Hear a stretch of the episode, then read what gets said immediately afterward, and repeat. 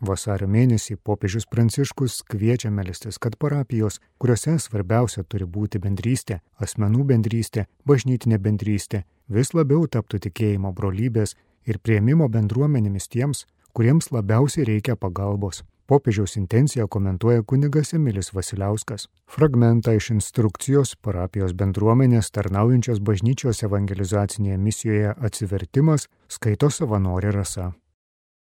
Gerasis Jėzau, tau dėkojame už tavo nuolankumą, už tavo pasilikimą švenčiausiajame sakramente, kuriame atrodo tu esi toks silpnas, bet pasinaudodami šituo tavo silpnumu mes turime privilegiją būti tavo artume. Gerasis Jėzau, melžiame tave apdovanok mūsų savo ramybę, kurios kiekvieno mūsų širdis trokšta, kad juos pripildyti galėtume būti nuolankiais tavo artumo ir meilės liudytojais. Garbė Jėzui Kristui. Mano vardas yra Emilis, aš esu kunigas, atvykau iš Kauno, iš Ilijampolės Šventojo Juozapo parapijos Kaip žinia, popiežius Pranciškus kiekvieną mėnesį prašo mūsų melstis. Ne, ir, ir kiekvieną mėnesį vis mums pateikia maldos intenciją. Ką mes kaip bažnyčia, Dievo tauta, ne, popiežiaus prašome, prašomi galime melstį Dievą. Ir šį mėnesį popiežius Pranciškus nori, kad mes melstumėmės, jog parapijos kuriuose svarbiausia turi būti bendrystė, asmenų bendrystė, bažnytinė bendrystė, vis labiau taptų tikėjimo, brolybės ir prieimimo bendruomenėmis tiems, kuriems labiausiai reikia pagalbos. Tokia yra šio mėnesio popiežiaus intencija. Ir ši intencija iš tikrųjų yra ir malda, bet tuo pačiu ir iššūkis mums, nes ji kviečia atpažinti mūsų kaip bažnyčios, kaip parapijos bendruomenės tapatybę. Ir raktiniai žodžiai šito intencijoje yra ir būtent ta bendrystė, ne, tapti prieimimo bendruomenę tiems, kuriems labiausiai yra reikalinga pagalba. Ne visi mes priklausom kokiai nors bendruomeniai, esam turbūt atvykę iš skirtingų parapijų bendruomenių, ne, ir tai yra bažnyčios buvimo būdas ne, šitoje žemėje, ne, būti, būti bendruomenė tam tikroje teritorijoje.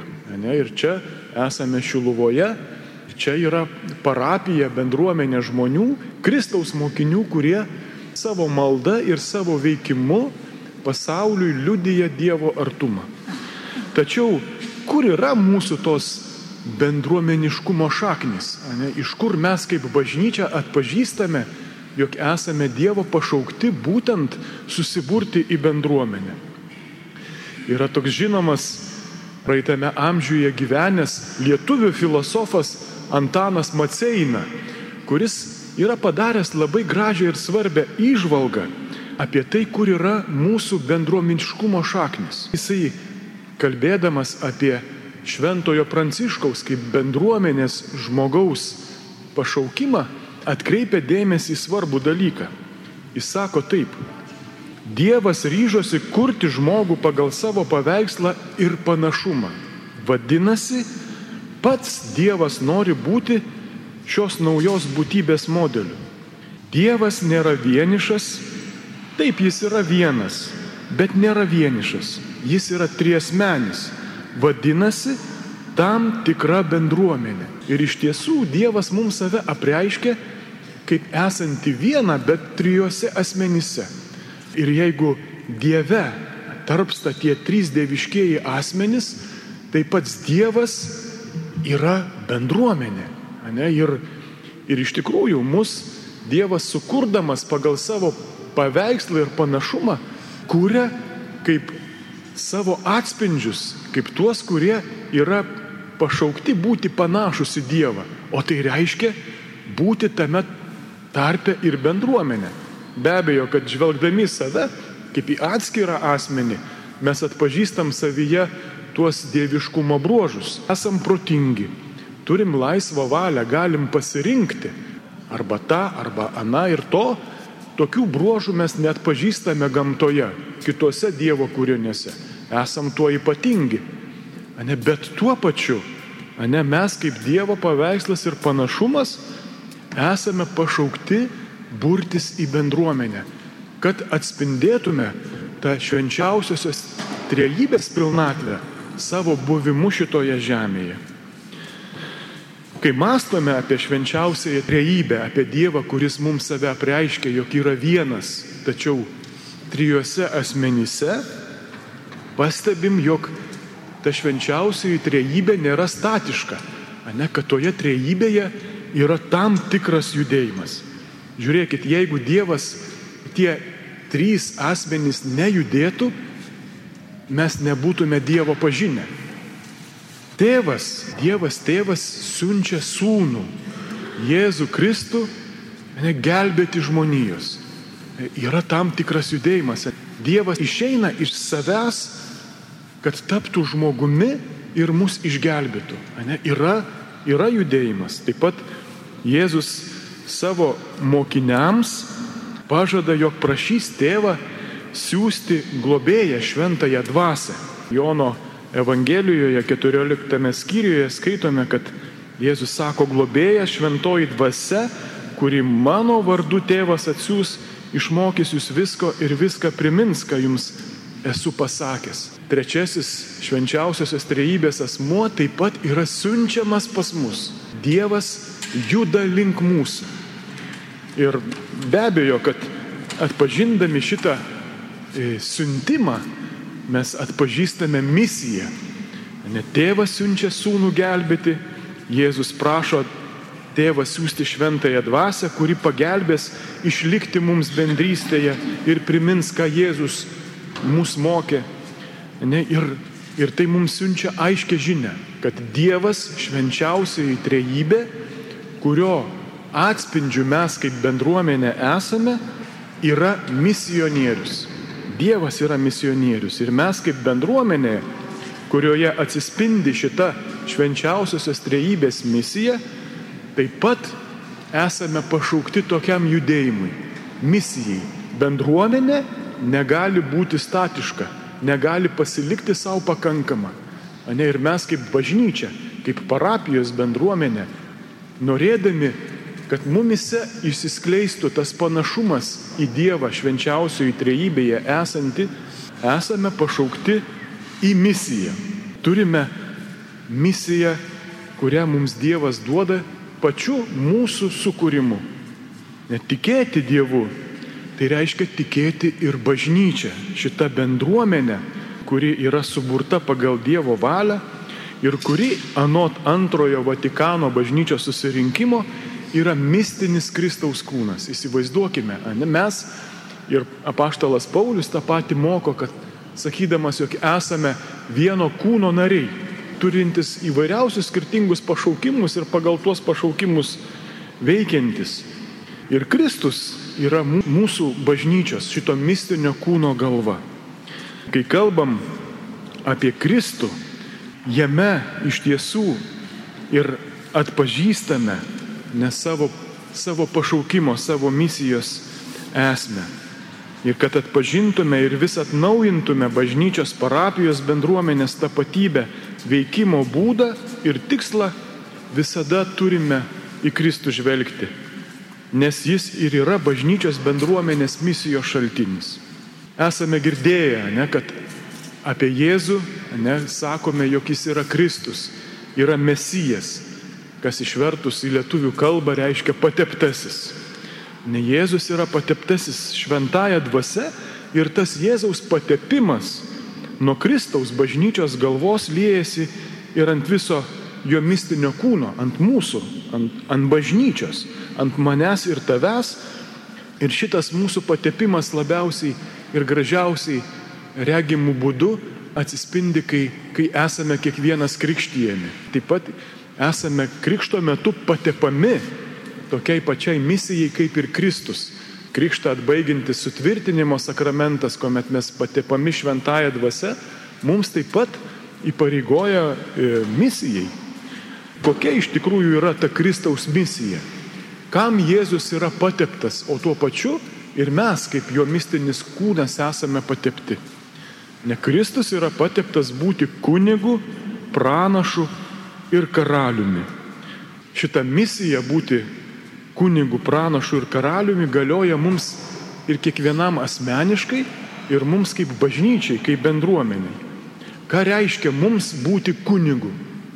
Iš tiesų per krikštą kiekvienas iš mūsų tapome kunigu šitoje bendruomenėje ir esame pašaukti savo gyvenimą aukoti kaip, kaip kunigai, nes savo kasdienę maldą šitą pasaulį pašventinti.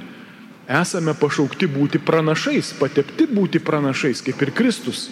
Ir ką tas šitas mūsų pašaukimas, patepimas reiškia? Visų pirmiausia, esame pašaukti ir patepti būti pranašais, kad savo žodžiais ir darbais pasauliui liudytume, jog Dievas yra meilė, jog kiekvieną žmogų Dievas besąlygiškai myli. Ir įsivaizduokit, esame kaip ir Kristus patepti ir pašaukti būti karaliais. Kokia yra karaliaus misija? Karaliaus misija yra būti tuo, kuris pasirūpina visais. Karalius, gal ir prezidentas šiais laikais, net jo pašaukimas ne jo užduotis pasirūpinti, kad visiems visko užtektų, kad nebūtų stokojančių. Ir mes, kiekvienas asmeniškai ir kaip bendruomenė, šitą misiją turime - rūpintis tais, kuriems reikalinga pagalba. Ir tai yra mūsų karališkoji misija. Jėzus mums duoda taip pat siuntimą, mus siunčia į misiją, nes sakydamas, kaip tėvas mane siuntė, taip ir aš jūs siunčiu, kad eitumėte ir padarytumėte mokiniais visus žmonės. Ir šitas paliepimas šitai misijai nenustoja galioti ir po šiai dienai. Šventoji dvasia, kuri mums yra tėvo siusta, kaip globėjas mus apdovanoja visomis reikalingomis dovanomis.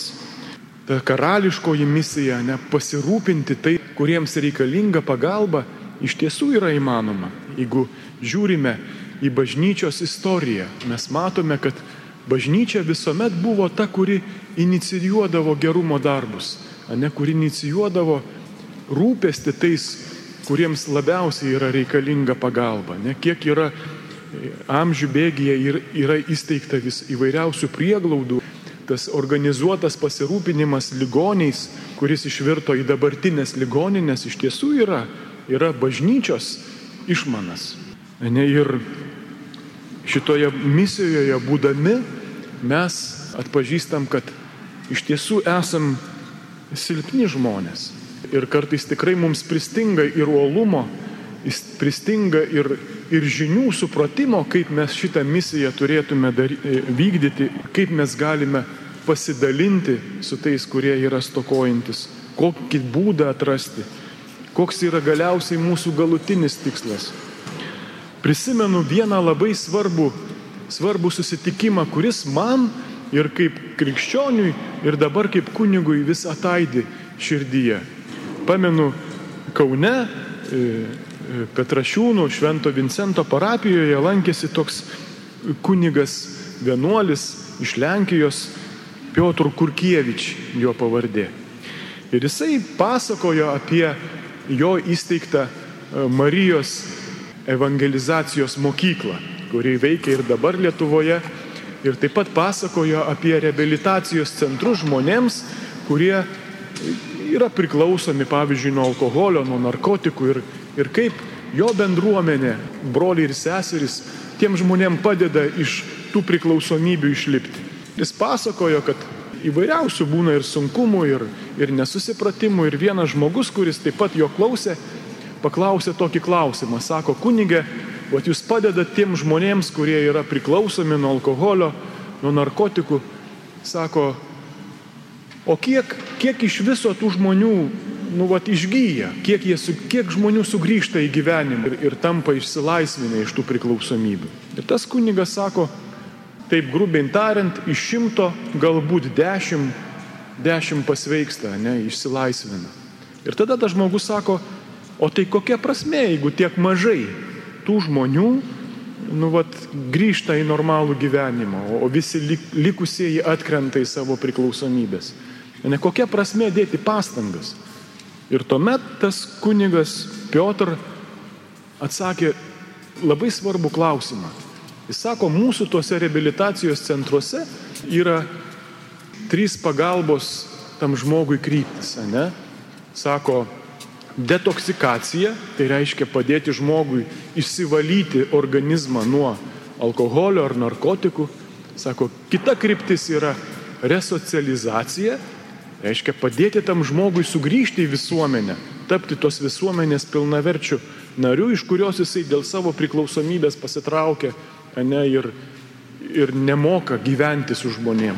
Ir trečias, sako, trečia kryptis yra evangelizacija. Tai reiškia, mūsų tikslas yra supažindinti tą žmogų su Jėzumi Kristumi. Ir sako, tos kryptis pirmos - detoksikacija, resocializacija - labai dažnai nepasiseka. Žmogus vėl atkrenta, grįžta prie savo įpročių. Bet svarbiausia, sako, mūsų veikloje yra evangelizacija. Tai, kad mes tam žmogui padedame susitikti Jėzų, kad jis išgirsta apie Jėzų, išgirsta, kad Dievas jį myli. Ir sako, tada Net jeigu jisai ir mirs springdamas savo vėmalais, tačiau ištars savo mirties akivaizdoje Jėzau pasigailėk. Sako, mes su juo susitiksime skaistykloje visi. Ir šitą, šitą aš labai įsiminiau, kad visas mūsų veikimas, mūsų visos pastangos, ką mes darom, rūpinamės vargšiais, ne, padedam žmonėm, ne, įvairiausios konferencijos, visokie bažnyčios organizuojami renginiai, net turėtų turėti tą pagrindinį tikslą - padėti žmogui susitikti su Jėzumi.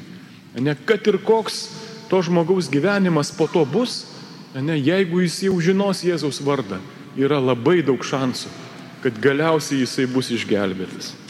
Ir kai žvelgiam į save ir šitą savo silpnumą šitoje misijoje atpažįstame, ne, vis tiek esame Dievo drąsinami jo pasitikėjimu. Įsivaizduokit, mūsų silpnus žmonės, dažnai nesusigaudančius šitame gyvenime, Jėzus pasirenka tam, kad mus siūstų į pasaulį.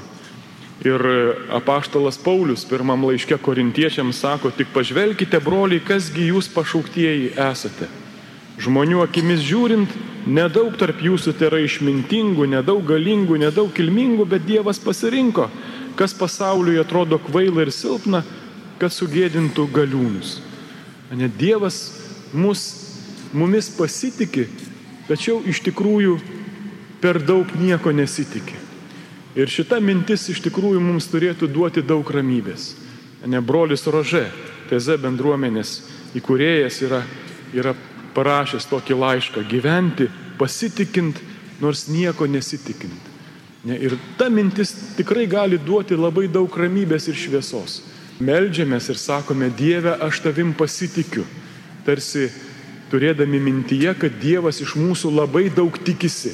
Ir mes norim tą Dievo pasitikėjimą kažkokiu būdu vis pateisinti. Ne? Tačiau Dievas žinodamas mūsų silpnumą tikrai iš mūsų labai daug nesitikė. Ne? Tačiau jo pasitikėjimas mums duoda tarsi, tarsi sparnus kristi. Ne? Ir žinodamas, kad Dievas manimi pasitikė, Ne, aš galiu daryti tai, ką galiu, žinodamas netgi jeigu man nepavyks, net jeigu aš susimausiu, net jeigu mes susimausim kaip bendruomenė, kaip parapija, Dievas dėl to tikrai neužsirūstins. Nes ne mes Dievą įsirinkom. Dievas mus išsirinko ir paskyrė, kad eitumėte, kad duotume vaisių ir tie vaisiai išliktų. Ne mūsų parapija, kurioje aš tarnauju kaip kunigas, iš tikrųjų yra labai labai silpna ir paprasta. Ir, ir aš kaip kunigas esu labai labai silpnas. Ir tą silpnumą kasdieną savyje atpažįstu. Ne, ir, ir pamenu, kai, kai arkivyskupas Lionginas ne, mane pasikvietė ir sako, skiriu tave klebonu, tai aš galvojau, kad sustos man širdis.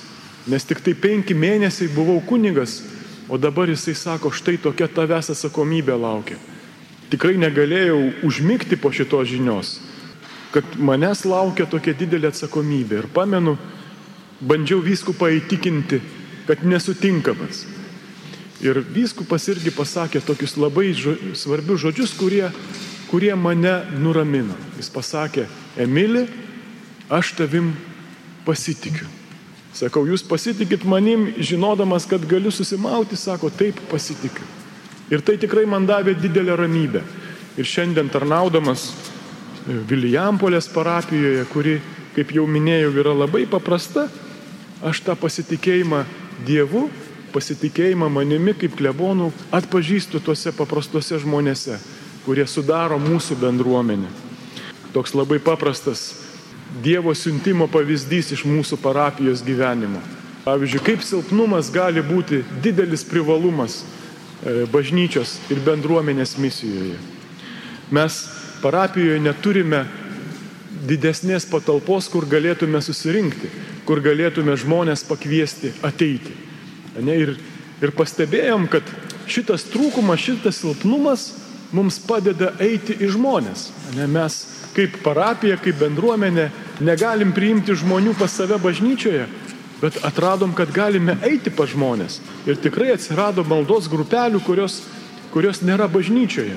Pavyzdžiui, yra kokiam nors bendrabutyje, kur nueinam pa žmonės ir kartu melžiamės.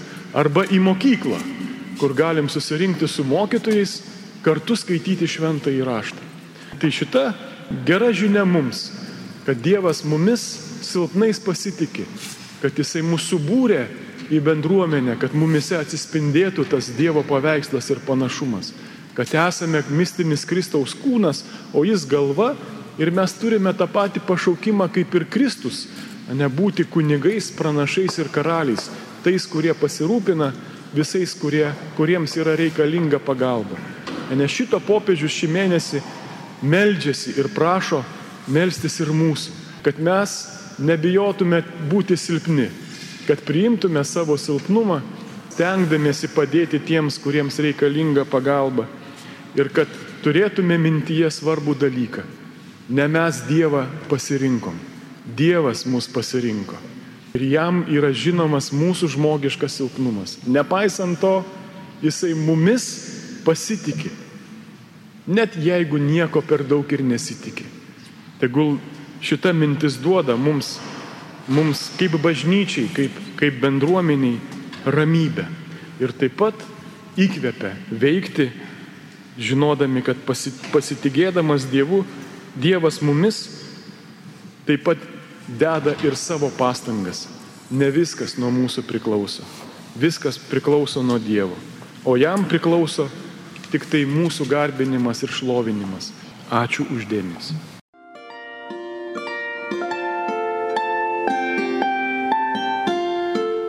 Jūs girdite Marijos radiją.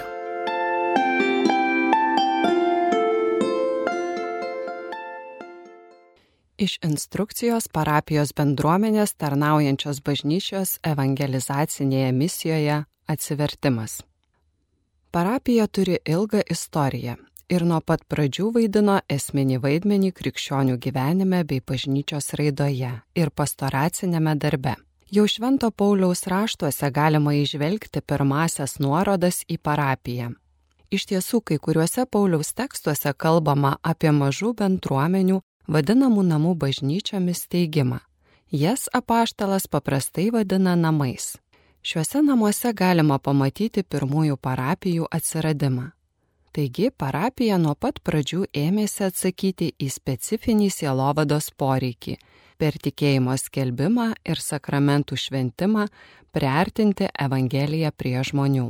Pati termino etimologija leidžia suprasti, kad parapija yra namai tarp namų ir atitinka gyvo ir žmonių bendruomenėje veikiančio Jėzaus Kristaus įsikūnyjimo logiką. Todėl ji vizualiai reprezentuojama kulto pastato yra prisikėlusio viešpaties nuolatinio buvimo savo tautoje ženklas. Tačiau teritorinė parapijos konfiguracija šiandien turi susidurti su savitu šio laikinio pasaulio bruožu kai dėl padidėjusio mobilumo ir skaitmeninės kultūros išsiplėtė egzistencijos ribos. Viena vertus, žmonių gyvenimas vis mažiau siejamas su konkrečia ir nekintama aplinka. Veikiau jis plėtojasi globaliame ir pluralistinėme kaime. Kita vertus, skaitmeninė kultūra negryžtamai pakeitė erdvės supratimą, taip pat žmonių, ypač jaunosios kartos kalbą ir elgesį. Be to, nesunku nuspėti, kad nuolatinis technologijų vystimasis dar labiau pakeis žmonių mąstymą ir supratimą apie save bei socialinį gyvenimą. Pokyčių spartumas, kultūrinių modelių kaita, judėjimo lengvumas bei komunikacijos greitis keičia erdvės ir laiko suvokimą. Parapija kaip gyva tikinčiųjų bendruomenė vis mažiau siejama su teritorija, priklausimo vietos tampa daugelypėmis, o tarp asmeniniai santykiai rizikuoja ištirpti virtualiame pasaulyje bei įsipareigojimo ir atsakomybės už savo santykius. Kultūrinės permainos ir pakitęs požiūris į teritoriją šventosios dvasios dėka bažnyčioje skatina naują bendruomenės įžvalgą kuri reiškia žiūrėti į tikrovę Dievo akimis, siekiant vienybės ir bendrystės. Būtina skubiai įtraukti visą Dievo tautą, kad jie įsipareigotų ir priimtų dvasios kvietimą atjauninti bažnyčios veidą. Parapijos reikšmė šiandien. Vadovaudamasi tokia išvalga, parapija raginama suvokti savo laikmetį kad galėtų pritaikyti savo tarnystę prie tikinčiųjų poreikių ir istorinių pokyčių. Reikia atsinaujinimo, kad būtų iš naujo atrastas kiekvieno pakrikštytojo pašaukimas būti Jėzaus mokiniu ir Evangelijos misionieriumi. Šventasis popiežius Jonas Paulius II skelbė, parapija turi būti tobulinama ir integruota į daugelį kitų formų tačiau ji vis tiek išlieka nepakeičiamas pirmutinės reikšmės organizmas matomose bažnyčios struktūrose. Kad evangelizacija taptų visų pastoracinių veiksmų prioritetinė, svarbiausia ir privilegijuota ašimi. Benediktas XVI mokė, parapija yra švyturys, skleidžiantis tikėjimo šviesą ir taip atliepiantis į giliausius ir tikriausius žmogaus širdies troškimus, suteikdamas prasme ir viltį atskirų žmonių ir šeimų gyvenimui. Popiežius Pranciškus primena, kad visa savo veikla parapija skatina ir ugdo savo narius būti evangelizuotojais. Kunigai kartu su tikinčiais pasauliečiais turi užduoti būti pasaulio druska ir šviesa, žiburių žibintuve, rodyti evangelizuojančios bendruomenės veidą, perskaityti laiko ženklus ir pateikti nuoseklų evangelinio gyvenimo liudijimą. Parapija nėra pagrindinė susitelkimo ir bendravimo vieta kaip anksčiau. Ji raginama per įprastinę veiklą ieškoti kitų būdų, kaip rodyti artumą ir lydėti žmonės. Viešpaties mokiniai, sekdami savo mokytojų, šventųjų ir ganytojų mokykloje išmoko, kartais per skausmingas patirtis išlaukti Dievo laiko ir jo atskleidžiamų būdų. Taip pat puoselėti tikrumą, kad jis visada yra šalia iki pat istorijos pabaigos. Ir kad šventoji dvasia Širdis, laiduojanti bažnyčios gyvenimo pulsą, subūrė po pasaulį išsibarščiusius Dievo vaikus. Todėl krikščionių bendruomenė, būdama įsitikinusi, kad Kristaus mokiniams nėra nieko tikrai žmogiško, kas nerastų atgarsio jų širdyse, neturi bijoti pradėti ir palaikyti procesus teritorijoje, kurioje gyvuoja skirtingos kultūros. Misija - pagrindinis atsinaujinimo kriterijus. Vykstant permainoms, nepaisant didžią dvasiško įsipareigojimo, parapija kartais nepajėgia tinkamai reaguoti į daugybę tikinčiųjų lūkesčių, ypač turint omenyje bendruomenių įvairovę. Parapijai yra būdingas įsišaknyjimas žmonių kasdieninio gyvenimo vietoje. Parapijos teritorija nepribojama tik geografinė erdvė bet apima taip pat aplinką, kurioje kiekvienas išreiškia savo gyvenimą per santykius, tarpusavio tarnystę ir senasias tradicijas. Šioje egzistencinėje teritorijoje atsiskleidžia iššūkiai, su kuriais bažnyčia susiduria visuomenėje. Todėl sielovada, apibrėžianti veiklos lauką įskirtinai parapijos teritorinėse ribose, atrodo pasenusi, kai dažnai ir patys parapiečiai nebesupranta šio modelio, veikiau paženklinto praeities nostalgijos, nei drąsos kurti ateitį. Vis dėlto pažymėtina, kad kanoninių lygmenių teritorinis principas išlieka visiškai galiojantis, kai to reikalauja įstatymas. Be to, jei vien kartojama veikla, nedaranti įtakos konkrečių žmonių gyvenimui, tai tampa tik nevaisingas bandymas išgyventi ir dažnai sulaukia visuotinio abejingumo. Jei parapija negyvena evangelizacijai būdinga dvasinė dinamika, ji rizikuoja tapti savitikslė ir sustingusi, siūlydama evangelinį skonį ir misionierišką aštrumą praradusias patirtis, skirtas galbūt tik mažoms grupelėms. Evangelizacijos atnaujinimas reikalauja naujo dėmesio ir įvairių pastoracinių pasiūlymų, kad Dievo žodis ir sakramentinis gyvenimas pasiektų visus atsižvelgiant į kiekvieno jų gyvenimo būklę. Bažnytiniai tarnystėj šiandien vis mažiau yra svarbi gimimo ir augimo vieta. Labiau orientuojamasi į priimančios bendruomenės modelį, kur tikintieji išgyvena platesnę Dievo tautos patirtį. Tai kūnas padalytas į daugybę narių, kurių kiekvienas veikia viso organizmo labui.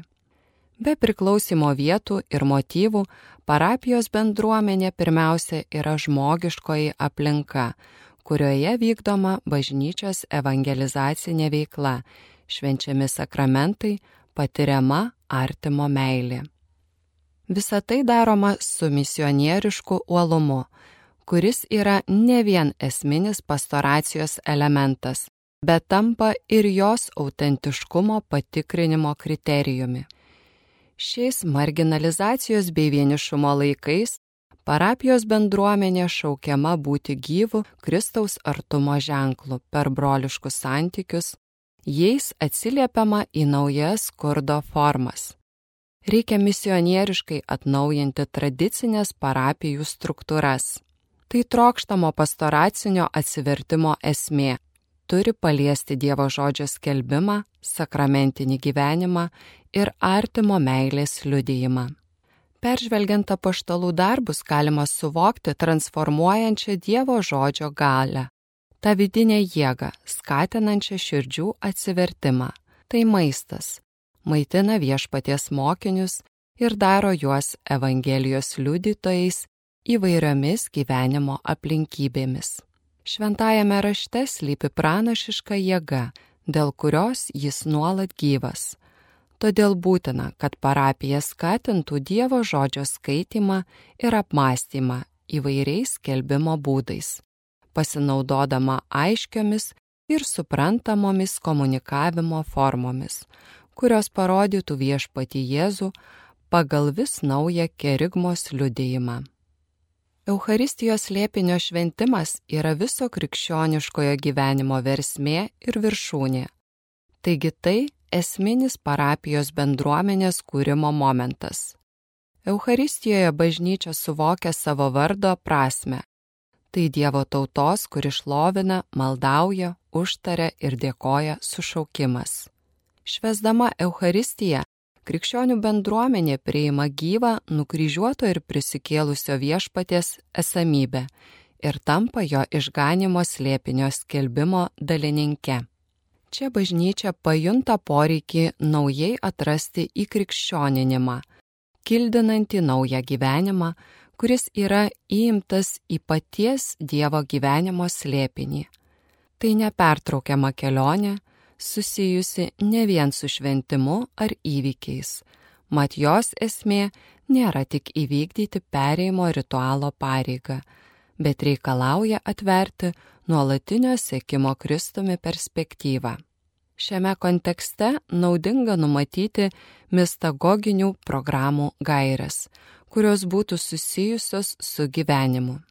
Katachezė turi būti pristatoma kaip nuolatinis Kristaus lėpinio skelbimas, kad per asmeninį susitikimą su gyvenimo viešpačiu pakrikštytojo širdyje brestų Kristaus amžiaus pilnatvės saikas. Kaip priminė popiežius Pranciškus, reikia atkreipti dėmesį į dvi šventumo klastotės, galinčias išvesti iš teisingo kelio - gnosticizmą ir pelagijonybę. Šios dvi erezijos atsirado pirmaisiais krikščionybės amžiais, tačiau išliko bauginamai aktualios. Gnosticizmo atveju kalbama apie visiškai intelektų paremtą abstraktų tikėjimą, kurį sudaro nuo gyvenimo nutolusio žinios, o pelagijonybė skatina žmogų kliautis tik savo paties jėgomis, ignoruojant dvasios veikimą. Evangelija skelbiama per vyrus ir moteris, kurie patikimumą to, kas kelbia pagrindžia savo gyvenimu per tarp asmeninius, kuriančius pasitikėjimą ir viltį santykius. Šiais laikais dažnai paženklintais abejingumo, asmens užsisklendimo savyje ir kito atstumimo, brolybės atradimas yra esminis dalykas, nes evangelizacija glaudžiai susijusi su žmonių santykių kokybė. Taigi krikščionių bendruomenė laikosi Jėzaus žodžio, kuris ragina mus irtis į gilumą, tikėdamasi, kad mokytojo kvietimas užmesti tinklus savaime garantuoja didelę daugybę žuvų. Susitikimo kultūra skatina dialogą, solidarumą ir atvirumą visiems, išryškina asmens svarbą. Todėl būtina, kad parapija būtų vieta, skatinanti buvimą kartu ir ilgalaikių asmeninių santykių plėtrą, leidžiančią kiekvienam patirti, kad jis priklauso kaip dalyvis ir yra mylimas. Parapijos bendruomenė pašaukta ugdyti tikrą artumo meną. Jei parapija giliai įsišaknyja, ji tikrai tampa ta vieta, kur įveikiama daugelio žmonių gyvenimus ženklinanti vienatvė, taip pat šventovė, kur ištroškę keleiviai gali atsigerti ir nuolatinės misijų plėtros centras. Bendruomenių bendruomenė - įtrauki, evangelizuojanti ir dėmesinga vargšams parapija, bažnyčios misionierystės ir evangelizavimo objektas visada yra visa Dievo tauta. Tiesą sakant, kanonų teisės kodeksas pabrėžia, parapija tapatinama ne su pastatu ar struktūrų visuma, o su konkrečia tikinčiųjų bendruomenė, kurioje klebonas yra tikrasis ganytojas. Šiuo atžvilgiu popiežius Pranciškus priminė, kad parapija yra bažnyčios buvimas teritorijoje, Dievo žodžio klausimosi, augimo, krikščioniškojų gyvenimų, dialogo skelbimo, dosnios meilės, adoracijos ir šventimo aplinka ir patvirtino, jog tai bendruomenių bendruomenė. Visi parapijoje pašaukti į bendrystę ir vienybę. Kai kiekvienas tarnaudamas bendruomeniai atpažįsta savo papildantį vaidmenį, galima matyti parapijos kunigų ir pasauliečių bendradarbiavimo įgyvendinimą. Taip išiškėja kaip viename Kristaus kūne saveikauja skirtingos diakonų pašvestųjų ir pasauliečių charizmos. Taigi, parapija yra bendruomenė, šventosios dvasios pašaukta skelbti Dievo žodį ir iš krikšto šaltinio gimdyti naujus Dievo vaikus. Suburta klebono, ji švenčia viešpaties kančios, mirties ir prisikėlimo atminimą ir liudyja tikėjimą meilę, nuolat gyvendama misionierišką dvasę, kad niekam nepritrūktų išganingos, gyvybę teikiančios žinios. Popiežius Pranciškus teigia, parapija nėra atgyvenusi struktūra, kaip tik dėl jai būdingo didelio lankstumo ji gali įgyti labai įvairių formų, kokių reikalauja ganytojo ir bendruomenės atvirumas misijai, bei misionieriškasis kūrybingumas. Nors ir nėra vienintelė evangelizacinė institucija, ji geba nuolatos atsinaujinti ir prisitaikyti, būti pačia bažnyčia, apsigyvenusi tarp savo sūnų ir dukterų. Parapija tikrai turi sąlytį su šeimomis bei tautos gyvenimu ir nevirsta nenaudinga nuo žmonių atsiskyrusią struktūrą ar grupė išrinktųjų, kuriems rūpi tik jie patys. Kvietimas peržiūrėti bei atnaujinti parapiją dar nedavė pakankamų vaisių siekiant labiau priartinti ją prie žmonių, padaryti gyvos bendrystės bei dalyvavimo aplinką ir visiškai nukreipti į misiją. Parapijos gyvenimui negali būti svetimas dvasinis ir bažnytinis piligriminių šventovių stilius. Tai centrai pasižymintys svetingumu, dvasia atgaivinančių maldos ir tylos gyvenimu, taip pat sutaikinimo sakramento šventimu bei rūpinimusi vargšais. Parapijos bendruomenių piligriminės kelionės į įvairias šventovės yra vertingas įrankis stiprinant brolišką bendrystę, o grįžus namo savo kasdieninio gyvenimo erdves darant vis atveresnes ir svetingesnes. Žvelgiant iš šios perspektyvos, atrodo akivaizdu, kad piligriminė šventovė gali apimti visas tas savybės ir tarnystas, kuriomis analogiškai turėtų pasižymėti ir parapija, nes daugeliu tikinčiųjų jie yra trokštama vidinių ieškojimų aplinka ir vieta, kur jie sutinka gailestingojo Kristaus veidą ir svetingąją bažnyčią. Šventovėse jie gali vėl naujai atrasti šventojo patepimą, tai yra savo pačių pašventimą per krikštą. Šiuose vietose mokomasi su užsidegimu liturgijoje švesti Dievo buvimo savo tautoje slėpinį, pažinti kiekvieno pakrikštytojo evangelizuojančios misijos grožį, išgirsti kvietimą liudyti gailestingumą tose vietose, kur jie gyvena. Parapija visiems atvira šventovė, būdama pašaukta pasiekti visus be išimties, primena, kad vargšai ir atstumtieji visada turi turėti išskirtinę vietą bažnyčios širdyje. Kaip pabrėžė Benediktas XVI, vargšai yra privilegijuotieji Evangelijos adresatai. Popiežius Pranciškus savo ruoštų rašė, naujoji evangelizacija yra kvietimas pripažinti jų egzistencijos išganomąją galę bei pristatyti juos į bažnyčios kelio vidurį. Esame pašaukti atrasti juose Kristų, tapti jų reikalo balsu, bet taip pat ir būti jų draugais, juos įsiklausyti, juos suprasti ir priimti slėpiningą išmintį, kurią Dievas nori mums per juos perduoti. Labai dažnai parapijos bendruomenė yra pirmoji žmogiškojo ir asmeninio vargšų akistatos su bažnyčios veidų vieta. Visų pirma, tai kunigai, diakonai ir pašvestieji, kurie užjaučia brolių sužeistą kūną, aplanko ligonius, remia bedarbius ir jų šeimas, atveria duris tokojantiems. Savo žvilgsniu atkreiptų į vargingiausius, parapijos bendruomenė evangelizuoja ir leidžiasi evangelizuojama vargšų, taip iš naujo atrasdama socialinį įsipareigojimą skelbti žodį visose skirtingose savo aplinkose ir nepamirždama meilės, aukščiausio įsakymo, pagal kurį būsime teisiami. Pabaiga.